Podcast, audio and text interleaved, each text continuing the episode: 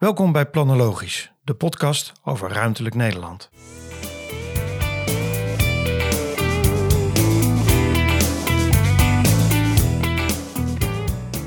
Nou kijk, het probleem waar je hiermee zit is dat deze crisis zo lang duurt. Dat die, eh, die herstelfase uh, eigenlijk nu al uh, parallel loopt aan de crisisfase. En waarbij we ons goed moeten realiseren, zolang er vanuit Den Haag vanuit de minister van Volksgezondheid, vanuit de wet op de volksgezondheid, een aanwijzing gegeven wordt aan de 25 veiligheidsregio's. Op basis waarvan die veiligheidsregio's een noodverordening instellen voor de hele veiligheidsregio. Blijft die voorzitter veiligheidsregio in positie? Blijf je dus ook in de huidige crisisstructuur zitten? En zie je dus dat je een soort parallele structuur hebt, uh, waar we met elkaar voor het eerst in het bestaan van deze veiligheidsregio's, hè, bestaan nu tien jaar, we überhaupt daar een modus voor moeten vinden.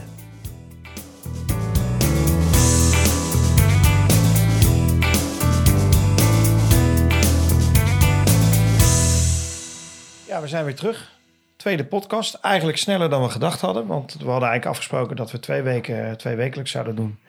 Maar er is uh, afgelopen week uh, ook zoveel weer gebeurd dat het aanleiding is om op het gebied van corona toch weer eens even met elkaar uh, in gesprek te gaan over hoe we dit nou eigenlijk allemaal zien.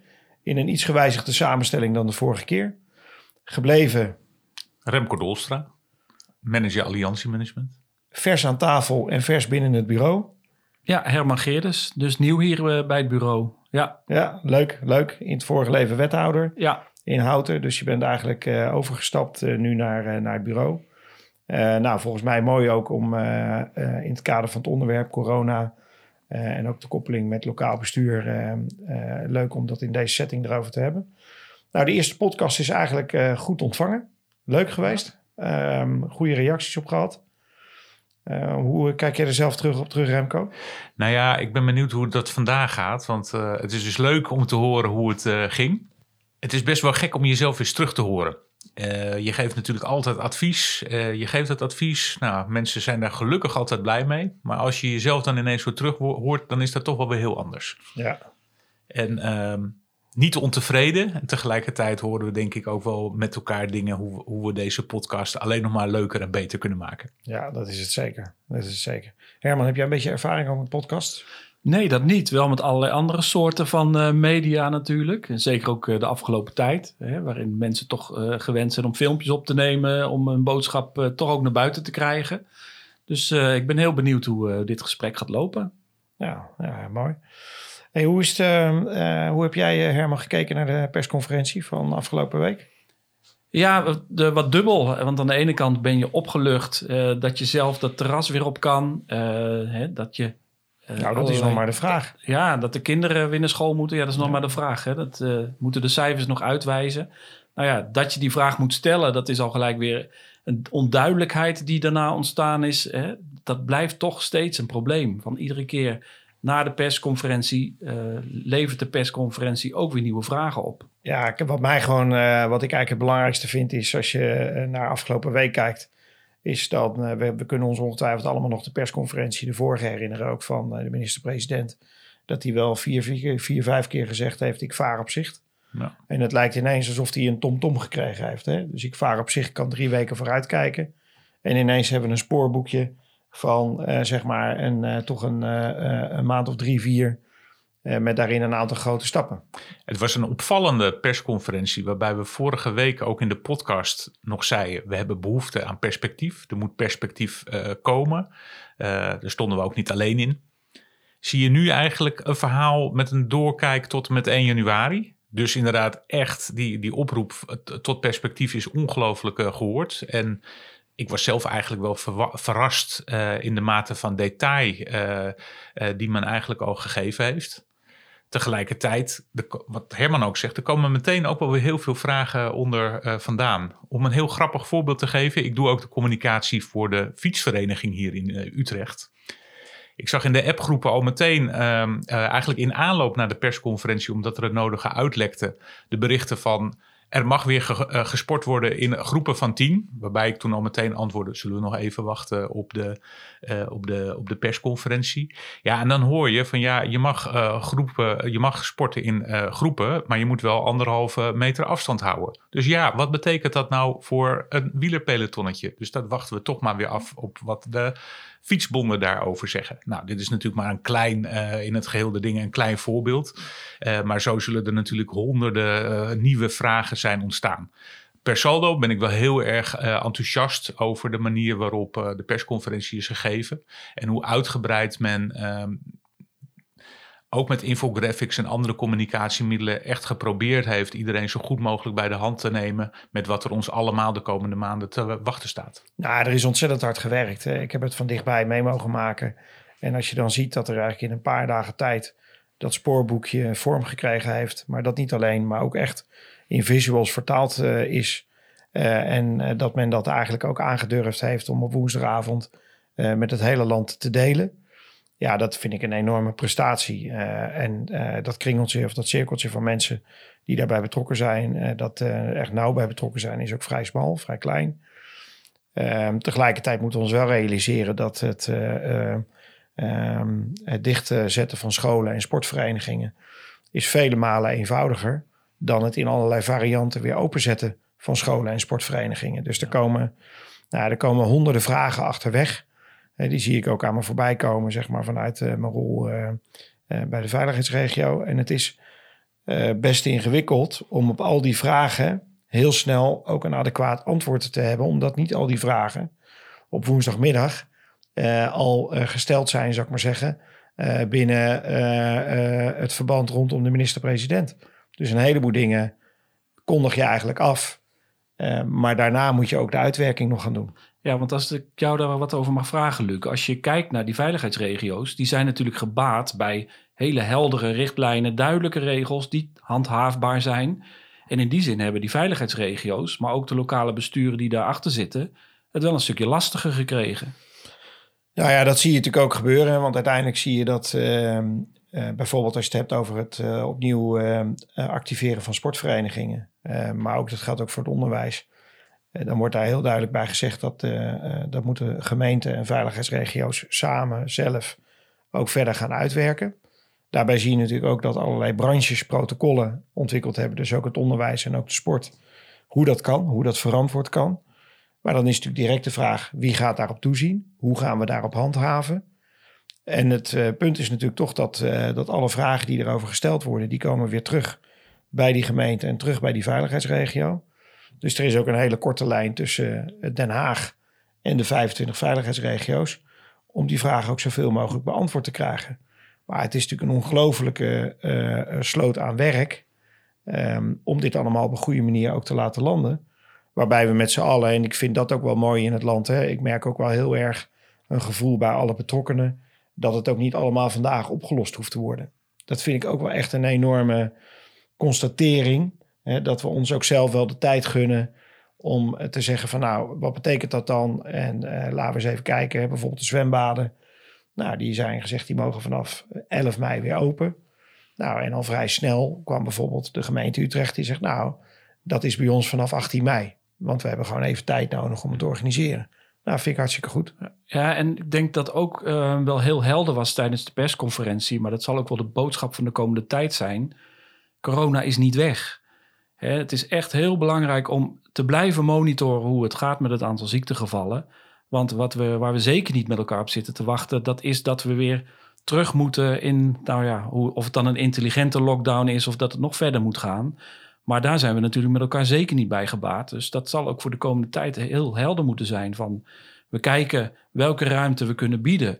Maar mensen gaan verstandig met die ruimte om, want we willen niet dat we weer terugkomen in de situatie waar we, we gezeten hebben. Nou ja, dat is natuurlijk de uitdaging. En, en wat je ook wel echt ziet, dat is ook wel een eh, kanteling in, uh, uh, nou ja, zeg maar zeggen, aan de, aan de kant van, van het Rijk. Dat ehm, je natuurlijk echt ziet dat er nu ook wel andere aspecten aan het meewegen zijn bij het openzetten van bepaalde zaken. En dat je dus ook ziet dat er veel meer invloed is vanuit, ik noem het dan maar even vakinhoudelijke departementen, schat ik zo in, op dit proces. Uh, en dat hoorde je gisteren ook wel een beetje terug in het Kamerdebat. Hè, dat, dat het, het RIVM hè, van Dissel namens de OMT ook wel heel duidelijk een statement afgaf. Van ja, er wordt nu een enorm spoorboekje gepresenteerd. Maar wij hebben ons pas uitgesproken over datgene wat er per 11 mei kan. Dus daar, zie je dat Rutte natuurlijk ook gewoon echt een, een bestuurlijk politiek risico neemt, bewust. Want hij, iedereen kijkt hem er uiteindelijk ook op aan. Om daar toch gewoon verder dan een metertje voor de muziek te gaan lopen. Hoe bereidt, uh, hoe bereidt de overheid zich nou weer voor op al die onzekerheden die natuurlijk er inderdaad is? Hè? Vorige, week riepen we, vorige week riepen we om dat perspectief. Nu gaan we alweer uh, wijzen op de onzekerheden. logisch. Maar wat betekent dat nou, nou ja, vanuit ons vak? Hoe je dan toch ook weer het beste kan voorbereiden op zo'n volgende fase? Nou ja, kijk, ik, eh, ik had eerder vandaag had ik ook een gesprek en dat gaat dan meer over veerkrachten. Dus hoe krijg je veerkracht in de samenleving en hoe hou je die ook vast? Het ingewikkelde, en dit hebben we vanuit ons vakgebied communicatie ook nog nooit eerder op deze manier meegemaakt, is dat je eigenlijk een, uh, een langere periode ehm, in contact moet staan met die samenleving om iets van ze voor elkaar te krijgen, van iets van ze gedaan te krijgen dat is een bepaald type gedrag wat je graag wil. Dat ze wel vertonen of niet vertonen. Ehm, wat past bij de crisis waar je in zit. dus nu is het, gaat het van blijf thuis naar mijt de drukte. Ehm, maar dat mijt de drukte in die anderhalve, anderhalve meter samenleving. Dat moeten we met elkaar wel misschien wel een jaar gaan volhouden.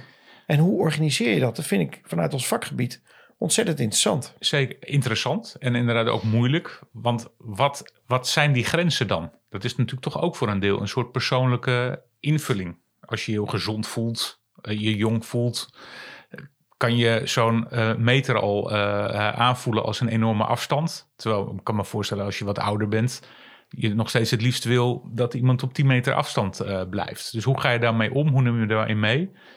Misschien om het nog te illustreren. Ik kan me nog het eerste weekend van de corona herinneren. Dat er eigenlijk heel veel, nou ja, bijna kritiek was. Foto's van volle stranden. Nou, we hadden het allemaal niet goed gedaan en allemaal niet goed begrepen. Terwijl ik zelf toen het gevoel had dat mensen best wel van goede wil waren. Maar eigenlijk ook niet zo goed begrepen van wat er nou eigenlijk van hen verwacht werd. Ja, maar ik denk dat wat daar ook in, dus ik ben het met jou eens, hè, wat daar natuurlijk ook in meespeelt, is dat je natuurlijk ziet dat een heleboel uh, bestuurders, burgemeesters, ook zeker in die eerste weken, ook op zoek zijn naar hun eigen rol, naar hun eigen positie. Naar ook een beetje wat vinden we acceptabel dat er wel kan, dat er niet kan. Dat was natuurlijk, daar was ook niet één maat der dingen in het land. Uh, als je kijkt wat er in de grote steden, dan ben je al blij dat men het Vondelpark ingaat, bij wijze van spreken. Omdat dat ook zorgt dat er spreiding is. Terwijl je bij wijze van spreken bij de wat kleinere badplaatsen zoiets hebt, blijf weg van dat strand. Want al die mensen die daar lopen, die komen niet uit Katwijk zelf. Maar die komen bij wijze van spreken weer van buiten. Nou, zo zie je. En dan is het ook weer de vraag, hoe acteert zo'n burgemeester erop? Hoe kiest die burgemeester ook weer positie ten opzichte van zijn voorzitter veiligheidsregio? want daar zit natuurlijk ook een, een dynamiek tussen. Ja, ik denk dat dat nu na zeven weken corona veel beter ingedaald is dan in die beginweken. Ja. Ja. Misschien Herman, kan je daar wat over vertellen? Want jij bent natuurlijk uh, uit Houten, waar een van de eerste coronagevallen in Nederland eigenlijk ook Ja, dat klopt. Ja, en dat konden we toen relateren aan een vakantie in Italië. En dan denk je van, nou ja, als, uh, als we die dan snel opvangen, dan zal het uh, misschien zelfs Nederland wel voorbij gaan. Dat was de eerste gedachte. Nou, dat bleek natuurlijk niet helemaal volgens de werkelijkheid. Maar de rol die ehm, we als gemeentebestuur toen namen, dat was ook uh, vooral ook een burgervaderrol innemen. Om ervoor te zorgen, juist ook, dat je inwoners zelf degene zijn die de maatregelen gaan dragen. Want je hebt er niet veel aan om je handhavingscapaciteit um, op te hogen. Het, eh, wat in de loop van de tijd verbeterd is, dat is mensen zelf, dat mensen zelf ook bewust waren over hoe je je gedraagt in de supermarkt. Of dat je als je een tegenligger op hetzelfde voetpad ziet aankomen, dat je even op tijd naar elkaar kijkt van aan welke kant ga, ga jij lopen. En dat is in die loop van die weken gewoon verbeterd. Um, en uh, het contact zoeken met uh, familieleden van uh, coronaslachtoffers, dat zijn belangrijke dingen die ervoor zorgen dat je um, als gemeentebestuur laat zien dat je er bent voor de inwoners. En dat maakt, denk ik, ook de acceptatie van maatregelen dan vervolgens makkelijker. Dus ja, zo zie je wel dat de meeste burgemeesters daar ook mee omgegaan zijn. Ja, en het is ook wel mooi wat je noemt, hè, want je kan het bijna niet meer voorstellen. De, in het begin, hadden de eerste eh, paar dagen, misschien wel de eerste week, twee weken, kregen we ook echt te horen waar de besmettingen opgelopen waren. Hè? Die is naar China geweest, die is naar Noord-Italië, die heeft carnaval gevierd. Dat, dat was gewoon, eh, je kon bij spreken, het werd, nou ja, het werd echt, eh, er werd echt een beeld geschetst van bij wijze van spreken wat diegene gedaan had. Ook als een soort verantwoording. Nou, weet je, dus het is allemaal zo erg niet. Want diegene kwam uit eh, Noord-Italië. Dus nu weten we waar het aan ligt. Dus u kunt weer rustig gaan slapen. Daarna hebben we natuurlijk een enorme opleving meegemaakt van het aantal besmettingen. Dat, dat hele, die hele geografische bepaling gewoon volslagen losgelaten is. Maar wat je vervolgens nu ook ziet, ehm, nou misschien dat ook eh, de paasdagen of Koningsdag daaraan bijgedragen hebben en het mooie weer, dat mensen dan ook denken van nou, we zijn er nu ook wel weer aan toe om naar buiten te gaan. En een tweede effect, wat je toch zag, dat is dat de economische effecten ook wel meer zichtbaar werden. Hè? In, in de gemeente Houten hadden we in die eerste weken al 700 mensen die bij eh, de sociale dienst een uitkering aanvraagden voor, eh, vanuit de bijstand. Ja, dat zijn echt enorme aantallen. En eh, er zijn toch behoorlijk wat sectoren waar die onzekerheid is gaan groeien. En ik hoop ook nu dat het met ehm, die versoepeling van de maatregelen, eh, dat het eh, beter is. Hè? Dat het beter wordt, dat er meer sectoren zijn die eh, opgelucht adem kunnen halen. Maar er zijn nog zeker sectoren waar dat echt nog niet eh, aan de hand is. En andere waar die juist op moeten letten van ja, we kunnen wel te hard lopen. Maar als we er daarmee voor zorgen dat we weer terugkomen in een lockdown, ja, dan eh, in de tweede golf overleven we zeker niet. Dus dat, is, dat moet zich nu ook weer even uitkristalliseren. Nou ja, wat ik toch wel vind, heel eerlijk, eh, als je kijkt naar de culturele sector. Eh, die worden natuurlijk ongenadig hard getroffen. Eh, en dan heb ik het ook, eh, als je ziet dat, dat straks de zalen met 30 mensen gevuld mogen worden. Ja, dat kan toch helemaal niet uit, hè, als je kijkt naar de grote, de grote zalen. Terwijl daar wel protocollen liggen om dat eigenlijk veel beter te managen. Dus ik had eigenlijk ook wel verwacht dat er, ehm, ja, dat er meer ruimte zou komen om uiteindelijk ook de protocollen van de, de branches zelf wat meer leidend te laten zijn. Zodat er ook gewoon meer ruimte komt. Als jij die anderhalve meter binnen jouw theater kunt oplossen, hoe dan ook, hè, ehm, dan, is dat, dan is dat waar we op varen. Zodat er ook gewoon ondernemerschap, creativiteit loskomt om daar oplossingen voor te verzinnen. Eh, in plaats van dat je maar gewoon van bovenaf zegt, eh er mogen 30 man in. Want de kleinste the- theater Pepijn in Den Haag, hè, eh, Paul van Vliet zijn theater. Ja, als je daar 30 man in zet, weet je, dan, dan, dan, eh, eh, dan zit je echt dicht op elkaar, bij wijze van spreken. Ja. Terwijl in Carré eh, kan je een kanon afschieten.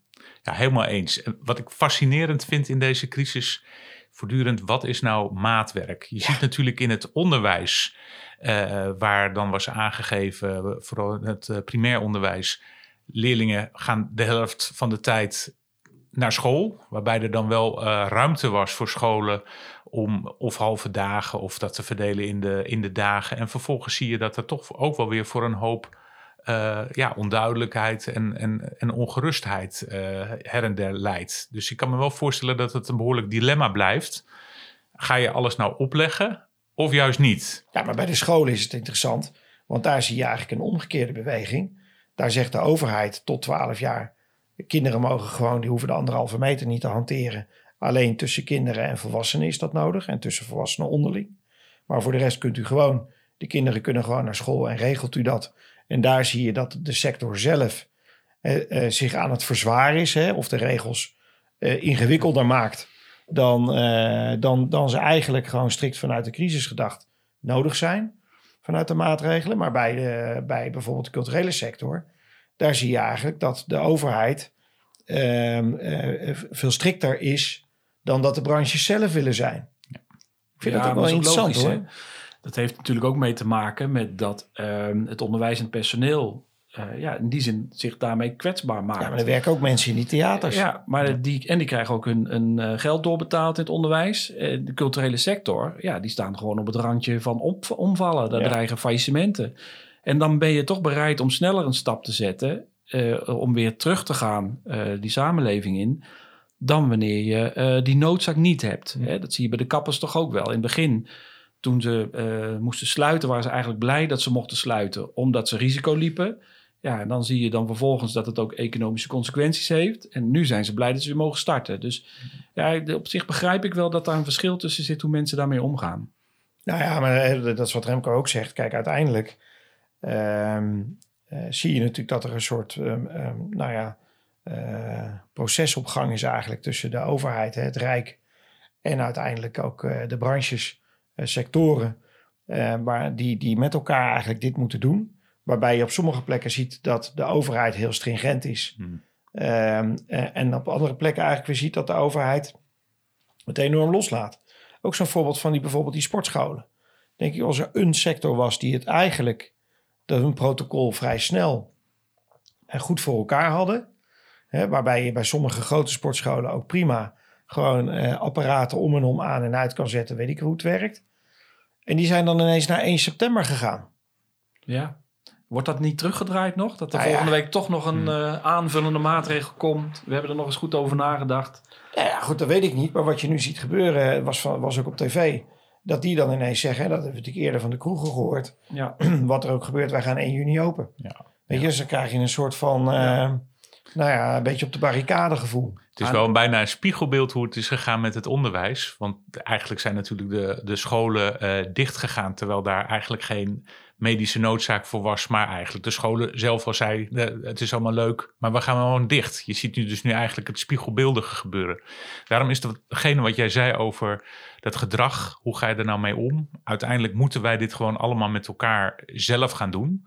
Stap voor stap zullen we daar toch ook, nou ja, zelf dan wel ook de ruimte voor moeten krijgen. Um, ja, ik, ik weet dat je daarover eh, over nagedacht hebt maar dat die gedachten ongetwijfeld ook nog niet af uh, zijn. Hoe kunnen we daar nou van week op week toch weer verder mee komen? Nou ja, kijk, wat heel belangrijk is volgens mij, ook vanuit de overheid geredeneerd, is dat je twee dingen doet. Aan de ene kant moet je uh, zorgen voor een hele strakke, heldere informatielijn. Dus je moet, en daarbij ga zo weinig mogelijk dingen zelf verzinnen of interpreteren. Maar wend je tot de bron en zorg dat de bron goed is.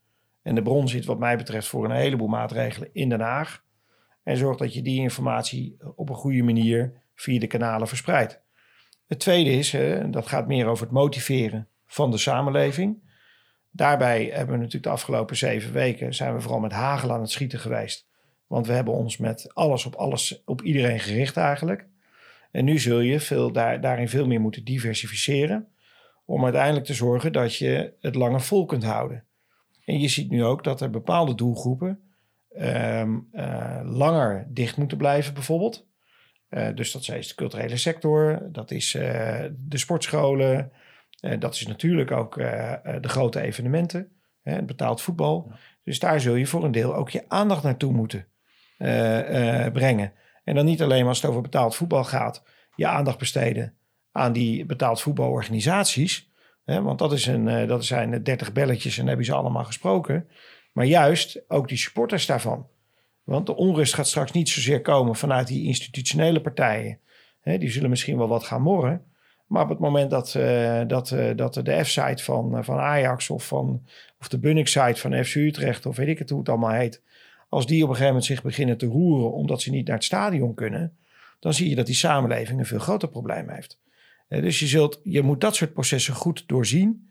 Um, en kijken hoe je die vitaliteit in die samenleving kunt behouden. En wat daarin belangrijk is, uh, dat, wat we de afgelopen weken gezien hebben, is dat de belangrijke nationale momenten, uh, Koningsdag, 4 en 5 mei, maar ook de persconferentie van de minister-president, iedere keer voor een beweging in die samenleving zorgen. dus een goed verlopen Koningsdag geeft vertrouwen in de samenleving, geeft ook energie in die samenleving. Het probleem is alleen dat we ze nu allemaal gehad hebben. En dat er dus niet meer van dat soort, hè, misschien los van de persconferenties, maar er komen geen nationale dagen meer aan. En dat maakt dat je dus ook niet makkelijk meer van moment naar moment kunt leven om die samenleving ook te motiveren om het weer vol te houden. Ja, ik denk dat het ook zo werkt, is dat de samenleving ook beloond wil worden voor dat goede gedrag. Hè? Dat, dat is eigenlijk uh, vorige week ook deels gebeurd. Het wordt ook zelfs nog uh, op die manier verwoord. Dankzij uw goede gedrag neemt het aantal gevallen af. En dat betekent dat we u weer wat kunnen geven. En ik denk dat je ook de komende tijd meer van dat soort momenten nodig heeft, hebt. En wat ik dan ook zou kunnen helpen, dat is dat op het moment dat inderdaad vanuit sectoren goede voorbeelden komen of goede oplossingen, dat er dan ook ruimte voor is om dat dan aan te grijpen als beloning. Ik zou me ook zoiets voor kunnen stellen bij de evenementensector, waarvan nu wordt gezegd van, uh, ja, die ligt in ieder geval tot september uh, plat. Ja, zijn er niet toch mogelijkheden om bepaalde dingen te doen? Uh, nou ja, wordt best wel nagedacht. Er is nu al gesteld dat die hele grote evenementen, staat ook in de Kamerbrief, dat die pas weer door kunnen gaan als er een vaccin is. Ja. Weet je, dus dat 1 september is daarop al, al losgelaten. Dat gaat gewoon inmiddels al gewoon tot volgend jaar door. Ja, maar ik vraag me toch af of dat daar ook niet een beweging op komt. Hè? Net als ook het sluiten van voetbalstadions. Die toch gaat maken dat de maatschappelijke druk zo groot wordt. dat er toch weer opnieuw anders naar uh, wordt gekeken, naar de risico's. Ja, kijk, daar, daar vind ik in die zin wel wat van. Hè? Dat ik denk, als je kijkt naar uh, de grote oorzaken uh, van verspreidingen eigenlijk, dan zitten die vooral bij grote mensenmassa's die bij elkaar komen. Daar zit natuurlijk ook wel het grootste risico. Uh, en zeker als dat ook een soort internationaal karakter heeft. En een aantal grote evenementen die we natuurlijk ook hebben in het land, hebben dat internationale karakter in ieder geval ook wel. Ja, daar, ik denk dat dat nog echt ver weg is. Ik denk dat dat echt nog een brug te ver is. Maar die beloning waar jij het over hebt, hè, ik denk dat dat wel heel uh, cruciaal is. Ik, heb dat, ik noem het vaak de carrot en de stick. Uh, je, je, je redt het niet alleen meer met het instrument handhaving, hè, beboeten, maar je zult ook moeten kijken naar belonen. Nou, en wat is dan de beloning die je kunt geven? Nou, dat is voor een deel natuurlijk dat je maatregelen ook weer uitzet. Uh, um, maar die samenleving moet dat wel als zodanig, als een beloning ook ervaren. Ja. En op het moment dat we natuurlijk in een economisch lastig tij zitten en het loopt langer door, dan wordt het, het, het openzetten van terrassen niet meer als een beloning gezien, maar als een soort noodzakelijk kwaad om de economie uh, drijvend te houden. De beloning is natuurlijk ook minder uh, zieken en minder. Uh, de beloning is natuurlijk ook minder zieken en, en, minder ziekenhuisopnames en minder overledenen. Het lastige is natuurlijk dat dat inderdaad al helemaal niet op die manier gezien wordt. Waar ik heel erg bang voor ben, is dat zolang het goed blijft gaan uh, wat de gezondheid betreft, de maatschappelijke druk gaat oplopen. En pervers genoeg op het moment dat je juist weer een soort stijging terugziet, uh, dat dan inderdaad er weer begrip ontstaat voor evenementen sluiten en, um, en, gewoon stringente maatregelen zoals we die de laatste weken hebben gehad. Wat mij wel erg opviel um, in het tijdspad is toch een soort verruiming in het najaar. Terwijl je tegelijkertijd ook vanuit de deskundigen regelmatig waarschuwingen leest van dat juist we vooral voor het najaar bezorgd moeten zijn dat het dan weer terugkomt, het virus. Dat lijkt me ook weer een ongelooflijk dilemma voor veiligheidsregio's om je daarop in te stellen en daar dan toch ook weer verstandige boodschappen op te maken. Is dat iets waar je bijvoorbeeld in Amsterdam dan ook al mee bezig bent? Nou ja, kijk, los van Amsterdam, hè, kijk, ik denk dat wat je gewoon ziet als je naar dat, uh, dat schema, dat tijdschema, dat spoorboekje kijkt, dan zie je dat je voor een deel niet alles op één dag open kunt zetten, omdat je het ook nou ja, fasegewijs wil doen, hè, om toch nog enigszins te kunnen monitoren wat het effect is. Dat leidt wel tot een aantal keuzes waarbij je kunt zeggen, nou zijn dat nou de goede keuzes? Als je bijvoorbeeld kijkt naar de koffieshops, uh, er zijn ook koffieshops met een terras. Nou, wat betekent dat dan? Weet je, die mogen pas in september open, maar mag het terras dan eerder open? Nou, weet je, dus het zijn allemaal hetzelfde wat we net al zeiden met de sportscholen. Dus ik denk dat, uh, dat, je, dat ze aan de ene kant geprobeerd hebben vanuit het Rijk om het in de tijd weg te zetten. Het tweede, wat natuurlijk ontzettend uh, belangrijk is, dat is dat die IC-capaciteit structureel omhoog gaat. Weet je, we hebben, er wordt nu gesproken over 600 bedden structureel in de IC-capaciteit erbij. Uh, waardoor je natuurlijk ook op de lange termijn gewoon de drempel hoger komt te liggen van wat je, wat je aan kan. Snap je? Dus het, het, het moment dat je echt het in de gezondheidszorg niet meer aan kan, dat moment komt natuurlijk verder weg te liggen naarmate je meer capaciteit hebt. Nou, en daar, daar is waar natuurlijk aan gewerkt wordt. En dan hebben we natuurlijk, als je terugkijkt, ehm, zag je dat in de eerste weken dat men nog helemaal niet zo in de actieve stand zat. En dat er na twee, drie weken eigenlijk pas duidelijk werd dat die IC-capaciteit en ook de duur op de IC zo lang werd, eh, dat je daar echt een probleem ging krijgen. Toen moesten ze in no time gaan opschalen in capaciteit. Die opschaling die ligt er nu. Weet je, dus als je die opschaling voor een deel permanent maakt, ja, dan, uh, dan is de zorgcrisis ook minder snel problematisch dan wat die de afgelopen weken was. We spreken nog steeds over een crisis. Tegelijkertijd zitten we er al wekenlang in en gaat het nog maanden duren. Dus eigenlijk is het gek om nog steeds zo te redeneren vanuit crisissen en crisisstructuren. Het feit dat het toch op een bepaalde manier normaal aan het worden is, we normaler moeten gaan werken. Wat betekent dat nou ook bijvoorbeeld bestuurlijk, bijvoorbeeld in een veiligheidsregio? Nou, kijk, ik denk dat, uh, dat de naamsbekendheid van de veiligheidsregio uh, de afgelopen twee maanden gigantisch gestegen is. Hè? Want ineens is het instituut voorzitter veiligheidsregio bij een grote groep bekend. Die 25 uh, burgemeesters die samen ook dat veiligheidsberaad vormen. Tegelijkertijd, als het langer duurt, zie je een paar problemen ontstaan. Dan zie je dat de huidige crisisstructuur is gebouwd op een flitscrisis. Dus dat betekent de crisis die vandaag gebeurt en hooguit een paar dagen aanhoudt. Hè. Laat het eens een week of twee zijn. Ja.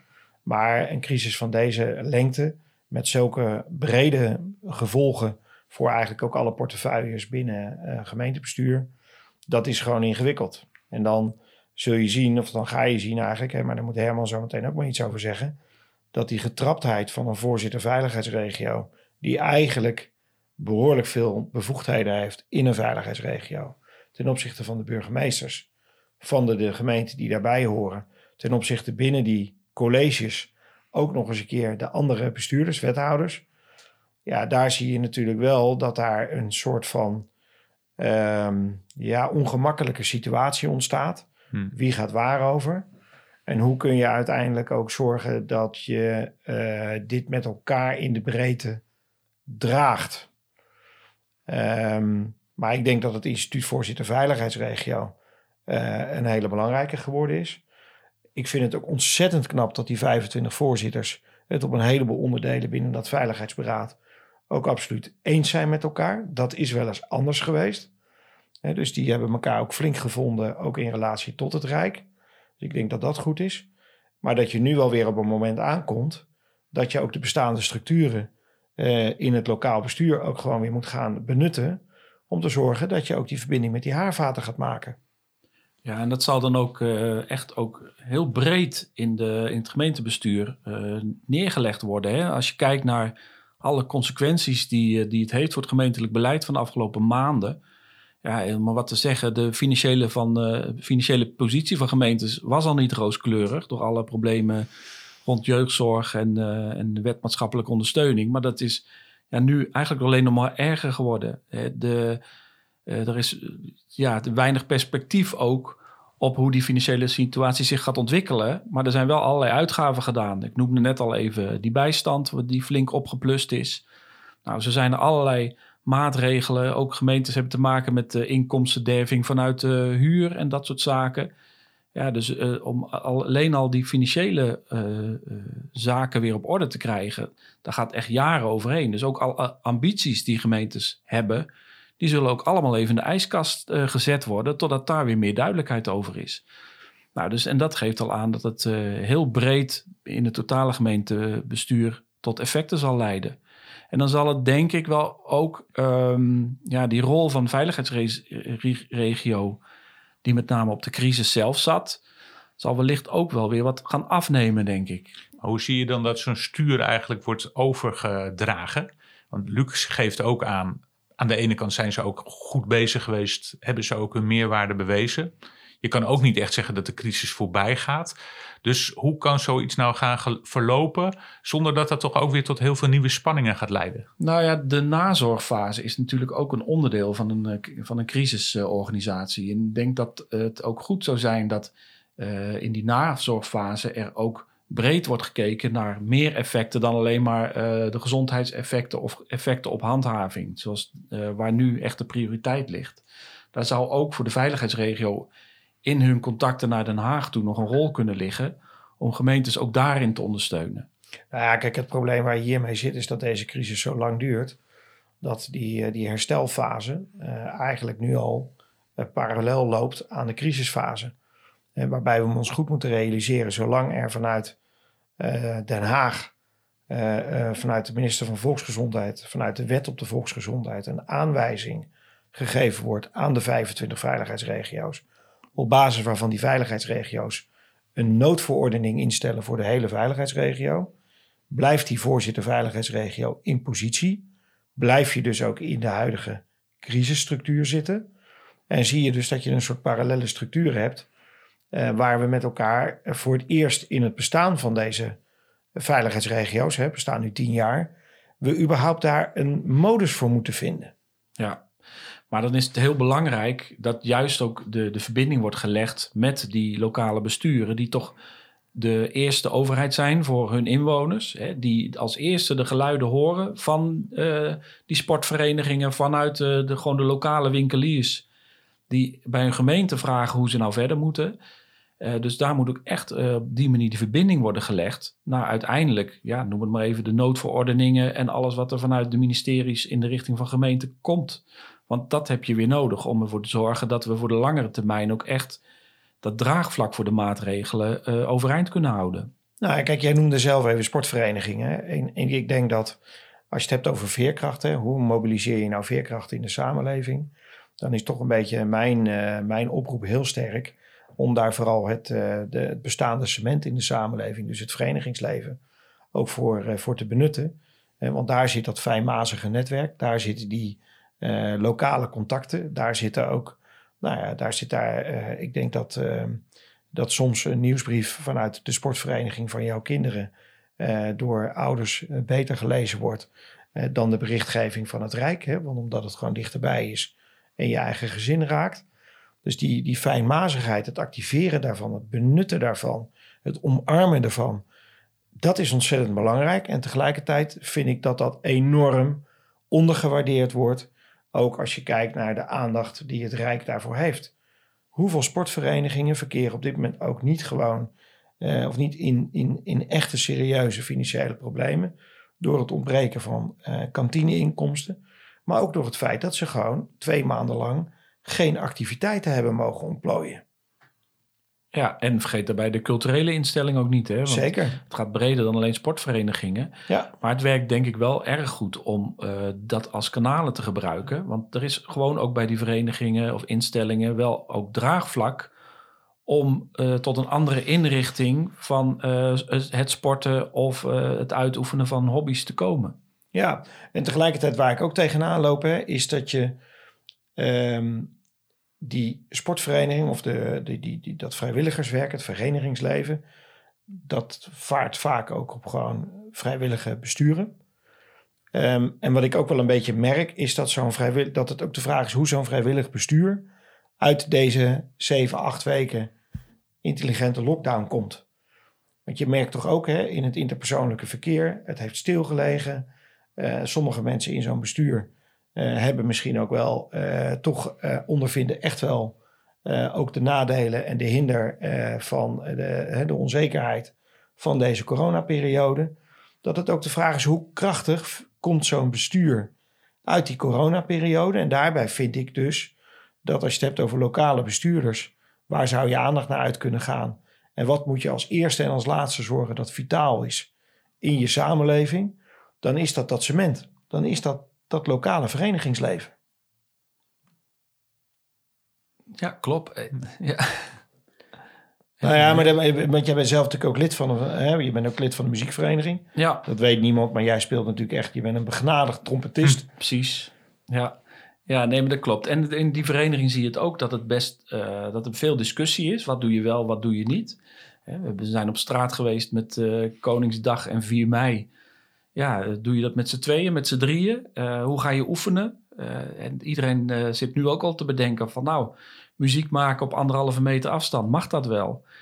maar het is wel van belang om inderdaad de, dat soort dingen wel weer op te starten. Want het is anders wel lastig om het cement, zoals jij dat benoemt, om dat ook echt goed in de voegen te houden. Ja, nou ja, dat vind ik echt een mooie beeldspraak. En ik denk ook dat op het moment dat je er met elkaar voor zorgt dat je dat cement in die voegen houdt, dan heb je ook campagnematig veel minder nodig. Uh, om, zou ik maar zeggen, de groegemeente te mobiliseren en te, blij en te blijven motiveren. Uh, dan wanneer je dit verwaarloost en het bij je wegloopt. Ik ben er echt van overtuigd dat je er maar ontzettend weinig water bij hoeft te geven om dat te laten bloeien. Vertelde dus al over de fietsvereniging waar ik uh, bij zat. In alle eerlijkheid hadden we allemaal mooie plannen met de site. Dan merk je toch, ja, we kunnen voorlopig niet fietsen. Uh, corona uh, ga je toch wat minder hard werken aan die mooie plannen die je uh, had. Gisteren alle bouwers, alle communicado's weer bij elkaar. Jongens, over twee weken. Uh, het moet er wel nu weer gaan staan, want je voelt dat je weer naar buiten mag. Dus daarom is denk ik zo'n zo'n zo'n zo'n bericht van de premier zo belangrijk. En het pleidooi wat je houdt om dat te voeden en dat verder te brengen, heel belangrijk is om inderdaad uit deze crisis uh, te gaan komen. Nou, volgens mij uh, hebben we toch al wel weer vrij veel besproken. Um, wat ik een beetje um, oppik ook uit deze, uit deze podcast, uit dit gesprek. Uh, dat is uh, respect ook voor, voor het Rijk en hoe daar eigenlijk ook gewoon gehandeld wordt, hoe alles vertaald wordt, hoe iedereen ook zijn best doet om het uiteindelijk ook in communicatie verder te brengen. Um, het belang van een goede structuur, hè, dus dat die 25 veiligheidsregio's als instituut natuurlijk belangrijk geworden zijn, maar dat het daarbinnen wel nodig is dat je het bestaande netwerk Um, in vredestijd noem ik het dan maar even ook activeert. Uh, dus dat zijn gewoon toch de colleges van BMW uh, en de bestaande structuren in lokale gemeenschappen, omdat dat eigenlijk ook het cement is. Um, en ik denk dat het ook goed is om met elkaar ook ja, de lessen te trekken. Dat gebeurt ook al wel. Hè. Er worden links en rechts al evaluaties opgestart. De OVV, hè, Onderzoeksraad voor Veiligheid, heeft inmiddels ook al de vraag gekregen en ook toegestemd in het gaan monitoren van, uh, van uh, wat speelt hier. Dus dat is natuurlijk wat we, um, wat we nu ook allemaal gaan zien. Dus dat gaat volgens mij nog heel veel stof tot praten, nadenken, opleveren. Ook voor ons. Remco, heb jij nog een laatste stichtend woord? Ja, ik weet dat je mij altijd graag stichtende woorden laat uh, uitspreken. Uh, ondanks mijn atheïsme. Maar uh, ja, ik denk dat dit gewoon opnieuw weer een mooie podcast is. Aan het begin vroeg je hoe kijk je terug op die vorige podcast. En ja, wat mij betreft gaan we hier vooral mee door. En elke week weer verder verdiepen op deze weg. En hoop ik uh, dat deze steeds beter beluisterd gaat worden, uh, geliked gaat worden, zodat uh, steeds meer mensen ook mee kunnen luisteren wat wij vertellen. Ik ben ook heel erg benieuwd naar de, de feedback. En ja, we horen natuurlijk graag van luisteraars wat ze ervan vinden, wat ze interessant vinden. En vooral ook niet, want dan zullen we het daar een volgende keer niet meer over hebben.